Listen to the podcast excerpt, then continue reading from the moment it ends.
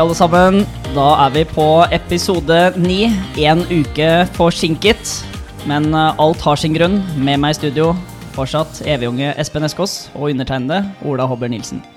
Ja, vi sitter her endelig, da, etter en uke på, på overtid, eh, får man si. Litt sånn karantene Jeg vil ikke kalle det trøbbel, men eh, det er jo sånn livet har blitt. At har man vært ute og reist, så, så havner man i en liten karantene.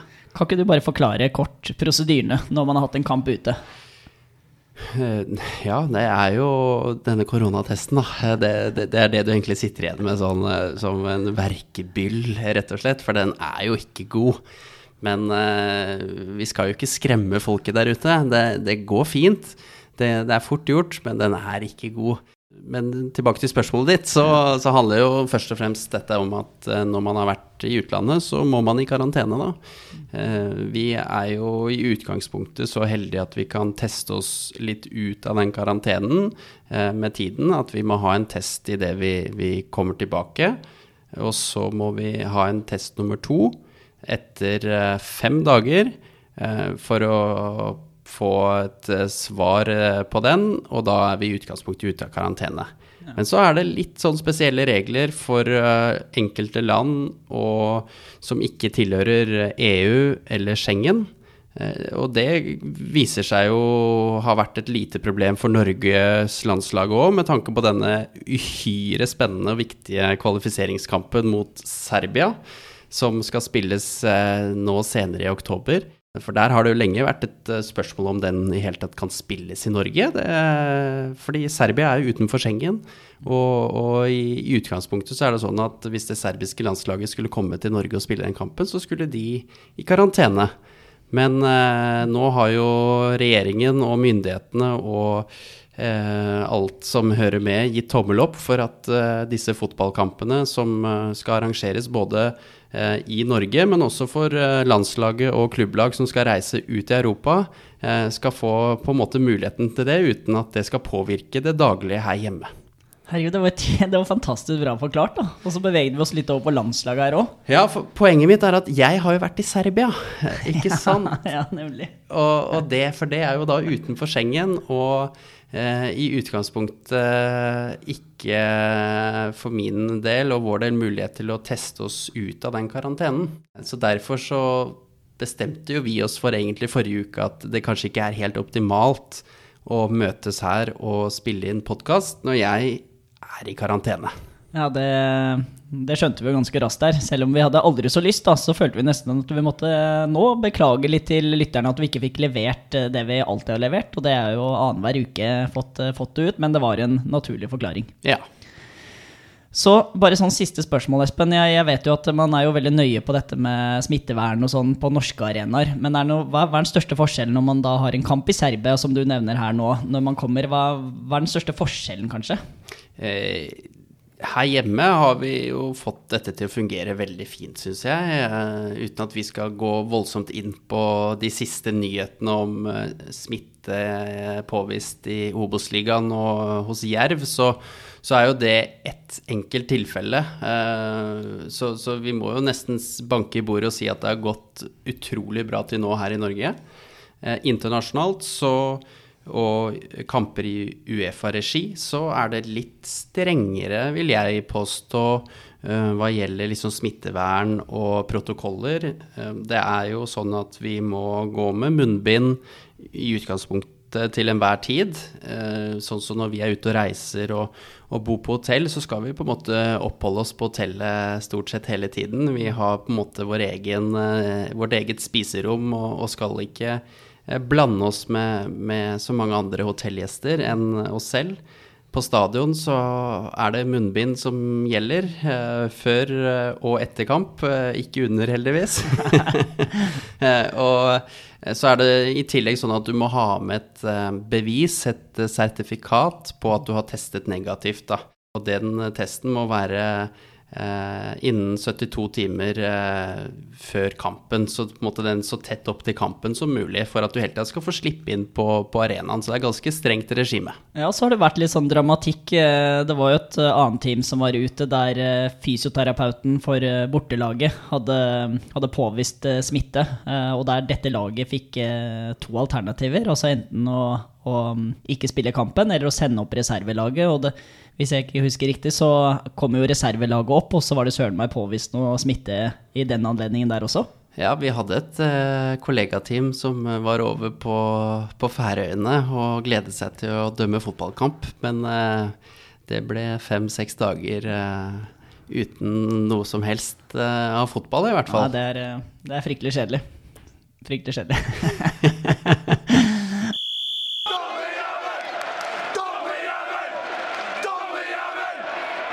Utrolig, utrolig godt å ha dere med igjen, og det er gøy å se alle spørsmålene som uh, ruller inn. Um, vi hadde fått inn et spørsmål, Espen, eller var det tre spørsmål fra, fra en lytter? Ja, det er i utgangspunktet tre, så kan vi jo se om vi klarer å svare på disse spørsmålene. Da. Men det er en, uh, en god lytter som heter Tom Erik, som, uh, som lurer litt på, på, ja, litt forskjellige ting, egentlig. og det første han lurer på, er jo dette her om det hadde vært mulig for uh, oss dommere å på en måte koble til headsetet på stadionanlegget eller med TV-produksjonen, så publikum kan høre hva vi kommuniserer under kampen.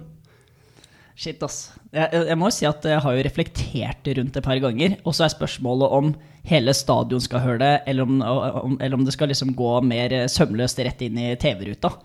Um, men jeg ser gevinstene ved det, fordi at det er mye lettere å sette seg inn i dommerens uh, verden der og da. Fordi du kan jo si helt ærlig, jeg så ikke den, dette er kommunisert. Så du, uh, den forståelsen for dommeren vil være der. Jeg tror det er et ekstra stressmoment for en del dommere, men underholdningsverdien tror jeg hadde vært helt fantastisk. Og det hadde jo vært gøy å teste i en uh, treningskamp eller noe sånt. Men akkurat når det gjelder sånne ting, Espen, så så er det sånn at Uefa vil jo gjerne være i front når det gjelder å teste nye ting. Jeg husker jo en gang jeg løp med en sånn kamera på Åråsen. Ja, riktig. Eh, ja, eh, og da skulle liksom hele Norge få lov å være med dommeren ute på banen der, og det var også det samme på treneren. Og jeg husker at det ble litt oppstandelse i Uefa etter den kampen, fordi eh, skal Norge være foregangsnasjon for å teste liksom, hypermoderne teknologi og sånne ting? Så ja, jeg tenker at det hadde vært gøy å teste det. Um, og at det hadde økt underholdningsverdien, men også garantert også et litt ekstra stressmoment for dommerne.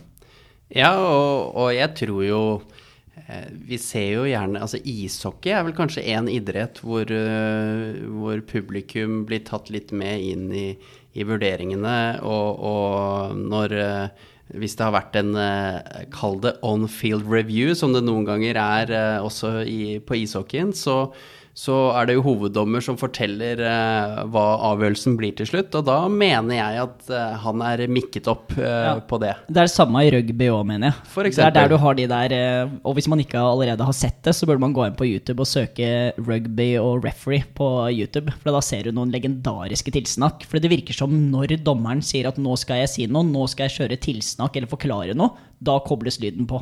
Ja, riktig. Eh, og da er det en legendarisk eh, rugbydommer i Australia som kjører et tilsnakk der som er sånn Jeg tror ikke jeg har sett deg før på denne banen her, men mitt navn er det og det her, og du klapper igjen kjeften din nå, liksom. Og da så vil han bare kjøpe det helt, da, fordi det er litt annen måte å ja, kanskje ikke, Vi har jo snakka om respekt tidligere, men uh, der er dommerens posisjon helt uh, overordnet.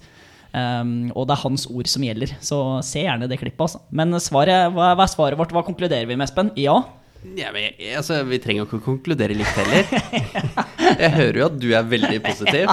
Jeg tror jeg kanskje er litt mer eh, negativ. Eller ja. altså Kanskje ikke negativ, men jeg tror vi skal være litt restriktive, ja, da. Ja, og innenfor noen rammer. Og det må testes. For det, det er jo sånn at uh, både vi og spillerne har jo en en måte å prate på, en sjargong, en kommunikasjonsmåte som, som nødvendigvis eh, passer veldig godt for oss ute på banen der og da. Og, men hvis du vet at du er mikket opp, og, så kanskje det ødelegger noe av dynamikken og det ekte, det genuine, det ærlige som kommer med en gang. Eh, ikke vet jeg. Men det er veldig godt poeng, fordi jeg har aldri gjengitt hva en fotballspiller har sagt til meg på banen. Når det har gått en kule varmt, og jeg har slengt noe, og spilleren har slengt noe, og vi har holdt det der sånn, så har det, selv om jeg har fått spørsmål fra media eller hva det skal være etter kampen, så er det en greie mellom meg og spilleren. Og det, det føler jeg har vært en sånn der gentleman's agreement. Og hvis det skulle bli et sånn rødt kort og det er graverende, så er det en, noe du tar skriftlig og sender inn til Norges Fotballforbund. Så det er viktig at man ivaretar den biten der, Mm. Men det er interessant. Altså, det er veldig, et veldig interessant spørsmål. Det er det. Og så lurer han videre på, da og Ganske fine spørsmål, dette her. Det, for denne her er interessant, og det her tror jeg vi faktisk kunne pratet lenge. Men om dere skulle legge til, endre eller fjerne en regel for det beste til sporten vår, som man sier. Ja, det, det var godt sporten vår. Altså, fotball er sporten vår. Hva ville dere gjort, og hvorfor? Åh, det er så mange ting som går i hodet, da. Men det ene jeg har tenkt på, vi har jo diskutert det før, Espen, men eh, det er jo dette her med effektiv spilletid. Hadde jo vært interessant å teste. Altså nå, jeg leste et eller annet sted at effektiv spilletid i en fotballkamp kan være sånn pluss-minus 60 minutter, kanskje mindre noen ganger. Ja. Det betyr at det er en halvtime i en fotballkamp som går vekk. Så enten om fotballkampen ble mindre, men man spilte i 60 minutter, eller om man hadde effektiv spilletid, eh, fikk det mye bedre. Så det hjalp ikke å bruke lang tid på kast, det var, det var ikke en del av tida. Eller hvis keeperen står lenge og holder ballen i hånda, som på mange måter har blitt en sovende regel. Um, så syns jeg det kunne vært uh, interessant å se på. Um, det, det, det gjør det nesten umulig ja, ja, Det man fortsatt kan oppnå rent sett, man kan stoppe tempoet i en kamp ved f.eks. skader og den biten der, men det blir en helt annen måte å hente tilbake de 30 minuttene igjen. da. Så den hadde vært utrolig gøy. Ja, det er jeg helt enig i. Og, du ser jo gjerne, i hvert fall med VAR som inntog, da, så, så føler jeg jo at tilleggstid har blitt mer eh, riktig og mer eksakt. For der er det jo faktisk sånn at eh, i VAR-rommet, hvor du har to dommere, altså du har VAR og en som heter AVAR, altså Assistant Video Assistant Referee bare sånn for å få det på plass, så har han som et av ansvarsområdene å passe på eh, hvor mye tid som blir brukt eh, når det er stopp i spillet. Enten om det er skade, om det er drøying av tid, eller om det er eh, tid brukt på å analysere eh, situasjoner eh, med VAR og on-field review. Kult.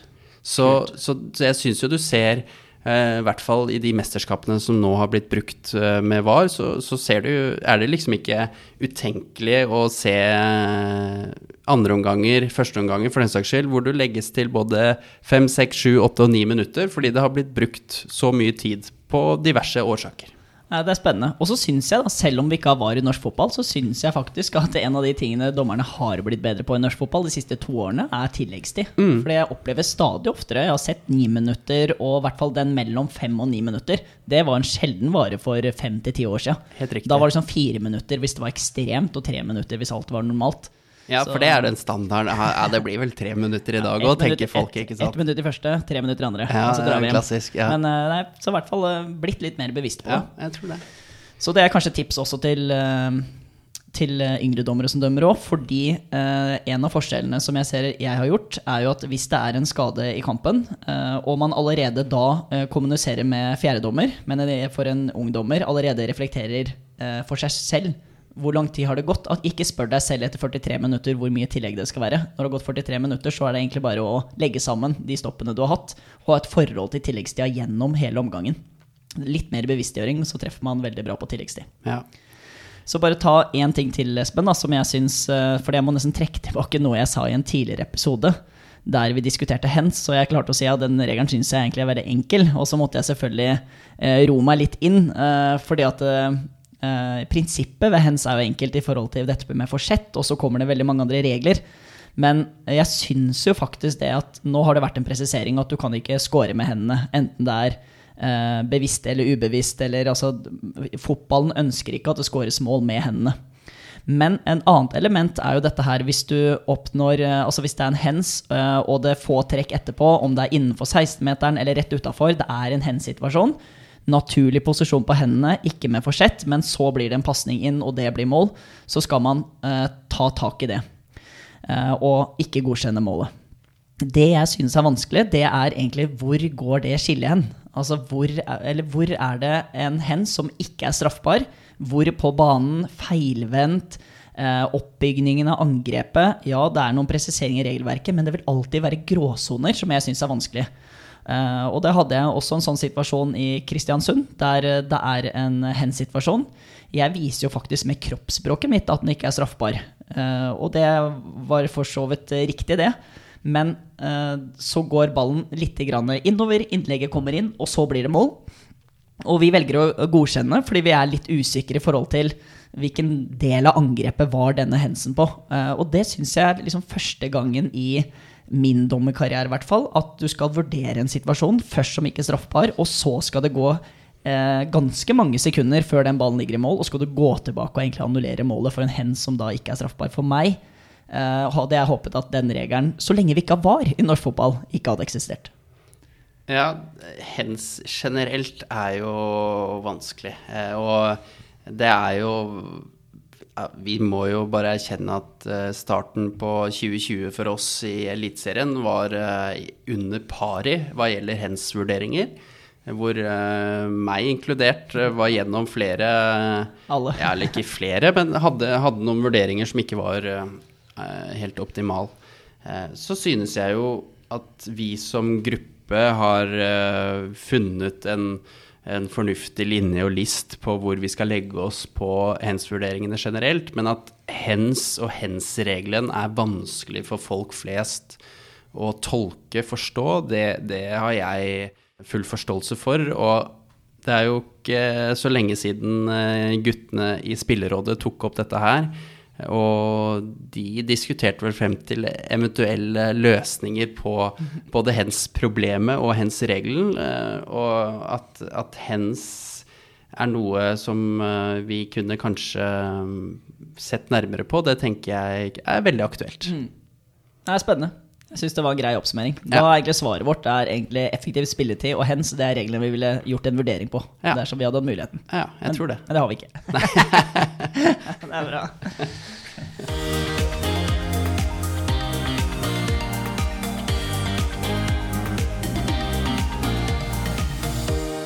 Ja, og så er det jo sånn at vi fikk inn et spørsmål her um, som eh, jeg kan starte med å stille deg spørsmålet, Espen. Uh, og det er ehm, Nå er det jo sånn at eh, breddefotballen dessverre ikke får kommet eh, i gang i år. Og det er jo selvfølgelig ikke noe gøy. Det jo eh, det gjelder jo både spillere og dommere, at det er en nedtur. Men det kom inn et spørsmål her om vi hadde noen tips til unge dommere, eller dommere som har lyst til å satse og som er på vei oppover. Om vi har noen konkrete råd til dem. Ja, det må vi jo kunne komme med. Og som du er inne på, nå, nå ble det jo et endelig svar om dette med at breddefotballen ikke gjennomføres eh, i sesongen 2020. Det er jo forferdelig trist eh, på alle mulige måter. eh, Og én ting for oss dommere, for spillere, trenere, men kanskje først og fremst klubbene som som, som blør veldig av det, både sportslig, men først og fremst kanskje økonomisk. Så det er viktig nå at vi, vi drar i samme retning når, når det gjelder det. Ja, og jeg hadde jo en kort prat med daglig leder i Nordstrand idrettsforening her. Eh, og det er klart, det man vet jo egentlig ikke konsekvensene før etter en stund nå. eh, der han skulle nå redegjøre for styret hva, hva, hva slags effekter kan vi se frem i tid. Det kommer til å bli interessant. Og så er det jo en vanskelig balanse, dette her med smittespredning, og um, jeg skjønner at det er en vanskelig beslutning. Eh, og det gjør det jo ekstra vanskelig når man skal gi råd, da, Espen. Ja, helt klart. eh, Men jeg tenker jo først og fremst så, så er det jo noen kamper som spilles, og det er jo gutter, jenter og ungdomskamper opp til gutter-jenter 19 som gjennomføres. Så for de som, eh, som på en måte virkelig vil holde på med dømmingen fortsatt, så er det jo kamper som er muligheter å dømme. Og så tenker jeg det er veldig viktig for kretsen da, å klare å fordele kampene jevnt utover på alle dommerne som, som nå har lyst til å, å være aktiv og, og delta. Og så tror jeg at eh, du som ung eh, og forhåpentligvis lovende talent både på gutte- og jentesiden fortsetter å tenke fotball og tenke dommerrelaterte ting, altså tenke og fornye deg på regelverket. Det har jo kommet en del nye regler som det er viktig å sette seg inn i. Selv om du på en måte ikke nødvendigvis skal praktisere de på banen i år, så er det viktig å, å, å, å se på det, ta det med deg. Eh, og noe som i hvert fall er gratis å gjøre, er jo å trene.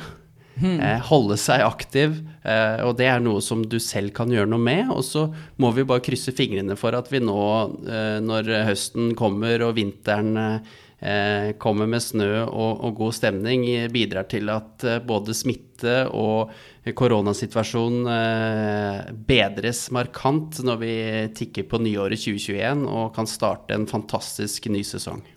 Ja, det er jo veldig fine ord, Espen. Og så er det jo sånn at er, eh, man er jo ikke alene om å satse på dømminga når man er i systemet. Og det å trene sammen med andre, det å se på hverandres kamper Og noe jeg lærte meg tidlig, det er jo at uh, man er jo den man er. Det å reflektere litt rundt hva er mine styrker som dommer? Hva er kanskje dine svakheter?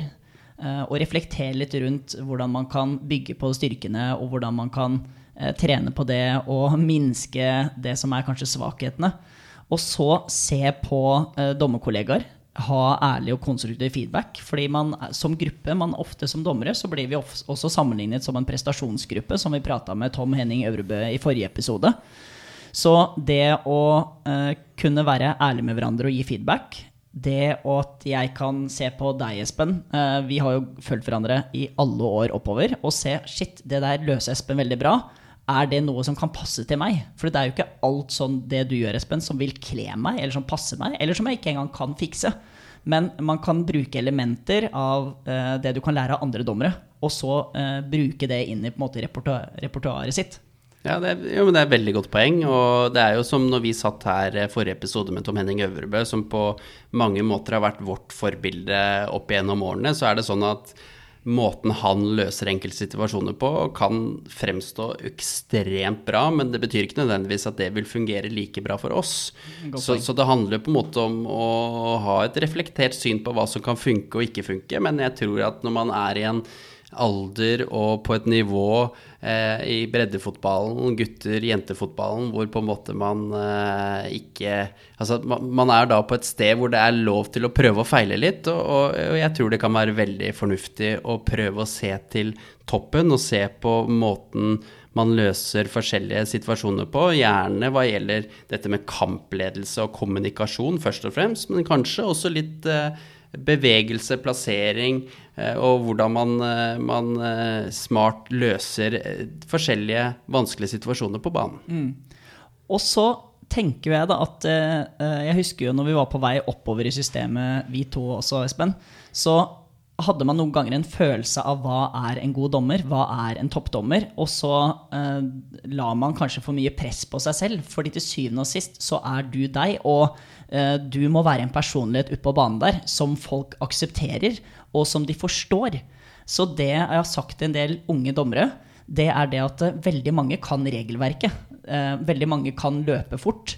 Men det å være ekte, det, ikke bare gi gul kort og bare administrere kampen, men vis faktisk når du blir litt forbanna. Det betyr ikke at du skal slå ned en spiller, det betyr ikke at du skal skjelle ut en spiller, men vise for omgivelsene hva du syns er gøy, hva du ikke aksepterer. Så de, de forstår deg som person og menneske ute på banen der, og at du ikke bare administrerer en kamp på vegne av regelverket, men du administrerer en kamp på vegne av regelverket og deg selv. Mm. Jeg, jeg, kunne ikke vært mer enig, for det er jo på en måte Kan jo være lett å havne i en litt sånn robottilstand hvor du, du, vet hva du skal gjøre, du vet hva som er riktig å gjøre, og så bare gjør du det uten egentlig å ha et reflektert syn på det. Men klarer du å ta med deg verktøykassa, klarer du å ta med deg på en måte kostymegarderoben og ta på deg litt forskjellige hatter underveis i kampen og være konstabel, være doktor, eh, være fangevokter og, og være en uh, lærer, rett og slett, så, så, tror jeg du har et uh, uh, mye større spekter, som igjen gjør at du forhåpentligvis får mye mer aksept for det du foretar deg ute på banen. Trolig bra. Også kanskje siste vi kan ta med, Espen, er jo dette her med å ha det gøy.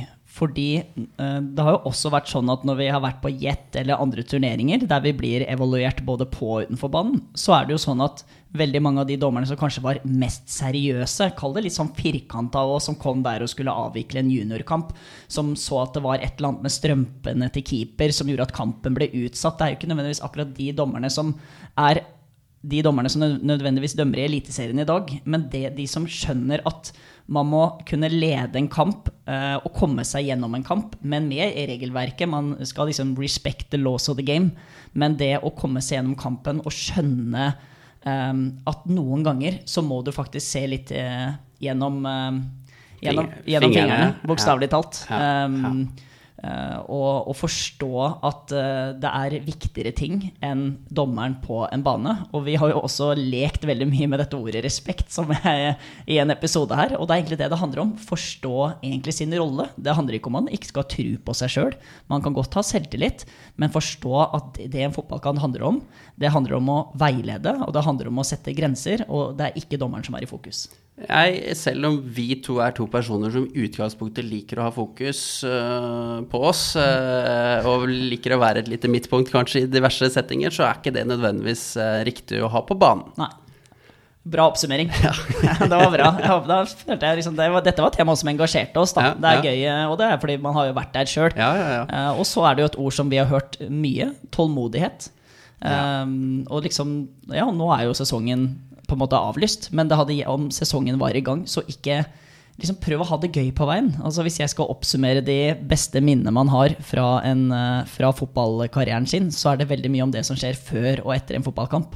Og ikke nødvendigvis alltid det som skjer på banen. Så prøv å nyte øyeblikkene. Ja, så, så tror jeg det Du er inne på tålmodighet, og så må man liksom tørre å investere. Altså investere både tid og, og energi i det å bli god det, altså, det er, Fotballdommere vokser jo ikke på trær, så, så, på en måte man må legge inn den innsatsen som kreves for å lykkes og nå toppen.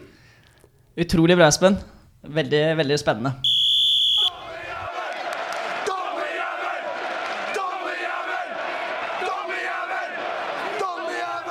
Ja, aldri en pod uten en quiz, eller en quiz uten en pod. Ja, det har blitt uh, til det nå etter uh, åtte foregående episoder, så vi er jo nødt til å viderefølge det, syns jeg. Ja, det, jeg syns det er gøy. Det, er, uh, det har vært par av disse spørsmålene vi har fått til diskusjon også rundt ulike løsninger på alternativene, så dette er en vinn-vinn. Ja, og det verste er jo at vi også har måttet uh, begynne å tenke litt på enkelte av spørsmålene, og det er det i hvert fall en vinn. Så vi, uh, vi, vi, blir oppdatert og holdt oss oppdatert på, på gjeldende rett. Åh, det må være så vondt å være var, og så får du servert en sånn regelspørsmål som du burde vite, og så sitter hele Norge og venter på liksom, hva slags svar du skal komme med. Ja, det er helt krise. Det er helt krise. Er helt da er det bedre å være hoveddommer enn var, skjønner jeg. Altså. Åh, herregud. Ja, det er helt sikkert på alle bullebåter. Men uh, ja, over til uh, spørsmålet i forrige episode. Så hadde vi jo en uh, fin quiz, uh, og, og, der var det jo da spiller på lag A som hadde et såkalt sleivspark. Og slik at ballen traff AD2, som står på streken, før ballen går ut. Og da er jo spørsmålet hva vi skulle gjøre da. Eh, og svaralternativ A var jo innkast til lag A. Mm. Eh, det høres urimelig ut. Ja. Eh, svaralternativ B var jo innkast til lag B, som eh, for så vidt er veldig rimelig. Eh, og så var det dette svaralternativet C, da, at vi dropper ballen der ballen traff assistentdommeren før ballen gikk ut. Og så er det sånn at med nye regler i år, så dropper vi den ballen eh, der ballen traff assistentdommeren før ballen gikk ut. Så da er riktig svar svaralternativ C. Ja, Gratulerer til de som svarte riktig, og det sendes jo ut en mail til den som har eh, vunnet. Så, det gjør det. Så var det jo synd med denne busstreiken, da. Ja, altså det var jo beleilig på mange mulige måter at uh, den tråkka til nå når vi endelig har fått mulighet til å sende ut disse, uh, disse premiene. Så det er jo veldig typisk, men da får vi prøve igjen ved en annen anledning. Men bussene skal oppover, og premiene skal leveres. Vi holder jo ord. Ja, gratulerer. Gratulerer så mye. Så er det jo sånn at vi må jo fire løs et uh, spørsmål til. Uh, og nå er det viktig å spisse ørene og lytte. Spørsmålet blir også lagt ut på dommerjævel.no. Oppfordrer samtidig til å følge oss på Instagram, selvfølgelig. Ja, at eh, dommerjævel, der hvor vi legger ut aktuelle nyheter og holder dere oppdatert med episoder og ting og tang. Helt, helt rått. Ok, Det skal avholdes straffesparkkonkurranse for å kåre en vinner. Det er ingen saklige grunner, f.eks. baneforhold, sikkerhet osv., som betyr noe for valg av hvilket mål som skal benyttes på straffesparkkonkurransen. Så da blir spørsmålet til deg, kjære lytter, hvem bestemmer hvilket mål straffesparkene skal tas mot? Og da er det tre alternativer. Alternativ A, det er det dommeren som bestemmer, altså dommeren. B, kapteinen for det laget som vinner myntkastet. Eller C, det bestemmes ved at dommeren foretar myntkast om hvilke mål som skal benyttes. Så enkelt og så vanskelig. Ja, og i år så har vi jo skrotet cupen. Så vi vil jo fort ikke få dette praktisert i år, dessverre. Det er helt riktig. Det er helt uh, riktig. det er et godt poeng. Så mm. nå, nå begynte jeg å lure på hvorfor har vi det spørsmålet, men det er viktig å kunne. Ja, jeg tenker jo litt sånn i forhold til Vi var jo innom dette med hva unge lovende dommere bør og kan gjøre nå i disse tider, og det er jo å holde seg oppdatert på gjeldende rett. Ja, Og så er det kvinnenes cupfinale. Skal vel gå av stabelen? Ja, så bra. Da må jo våre kvinnelige lyttere høre på, i hvert fall. Ja, det er bra. Og da kommer de kanskje til å bruke det myntkastene. Forhåpentligvis. Forhåpentligvis. Vi får se. Ja, hvis det blir, hvis det blir straffesparkkonkurranse, da. Ja, ja det, får, det får tiden vise. Ja. Eh, da benytter jeg anledningen til å skryte litt av våre sponsorer som har støttet oss i tykt og tynt. Det er jo selvfølgelig Norges idrettshøgskole, eh, Ferdia Sharebus, Unisport og Grete Rode. Nei da. Det der var litt, eh, litt skivebom, Espen. Du har vel ikke prøvd det før? Nei, jeg har en far uh, som har vært innom Grete Rode et par, par ganger. Men ja. det, det, det, er med det. Det er ja. min erfaring med Grete Rode. Er at uh, det, det, det, funker jo tilsynelatende i en viss periode. Ja. Men uh, så har det en skummel evne til å falle litt tilbake til start. Altså, Diett er som livet ellers. Det Kortsiktige tiltak virker som regel ikke. Nei, det er, det er, noe med det der. Det er noe med det der, eh, De grepene man gjør som varer over tid, mm. gir ofte resultater. Mm. Kortsiktige grep kan virke liksom veldig kortsiktig. Som f.eks. smitteverntiltak. Ja, det krever en livsstilsendring. Ja. Eh, så er det jo sånn at eh, en av våre lyttere sendte inn et aldri så lite dikt til oss. Og når jeg leste den, så fikk jeg litt sånn gåsehud på ryggen. og den overgår alle dikt jeg har hørt som er skrevet på sengekanten her. Så jeg tenker at vi skal fyre løs den. Men før det så ønsker vi å takke deg som lytter for at du har hørt på denne episoden. I neste episode så skal vi ha ingen ringere enn Terje Hauge, dommersjefen i Norges Fotballforbund, her i studio. Vi skal snakke om kamper som har vært, vi skal snakke om dommerrekruttering og veien videre med tanke på norsk fotball, VAR og toppdommernes ferd videre. Ja, og så tenker jeg at uh, de av dere som ønsker å stille Terje noen spørsmål, uh, må jo bare fyre løs og sende inn, om det er på nettsiden eller om det er uh, på Instagram, så tar vi hjertelig imot spørsmål fra dere varme lyttere. En dommerkarriere. Tusener av regler lest klokken ni. Ladet med kunnskap. Nå er det min tid.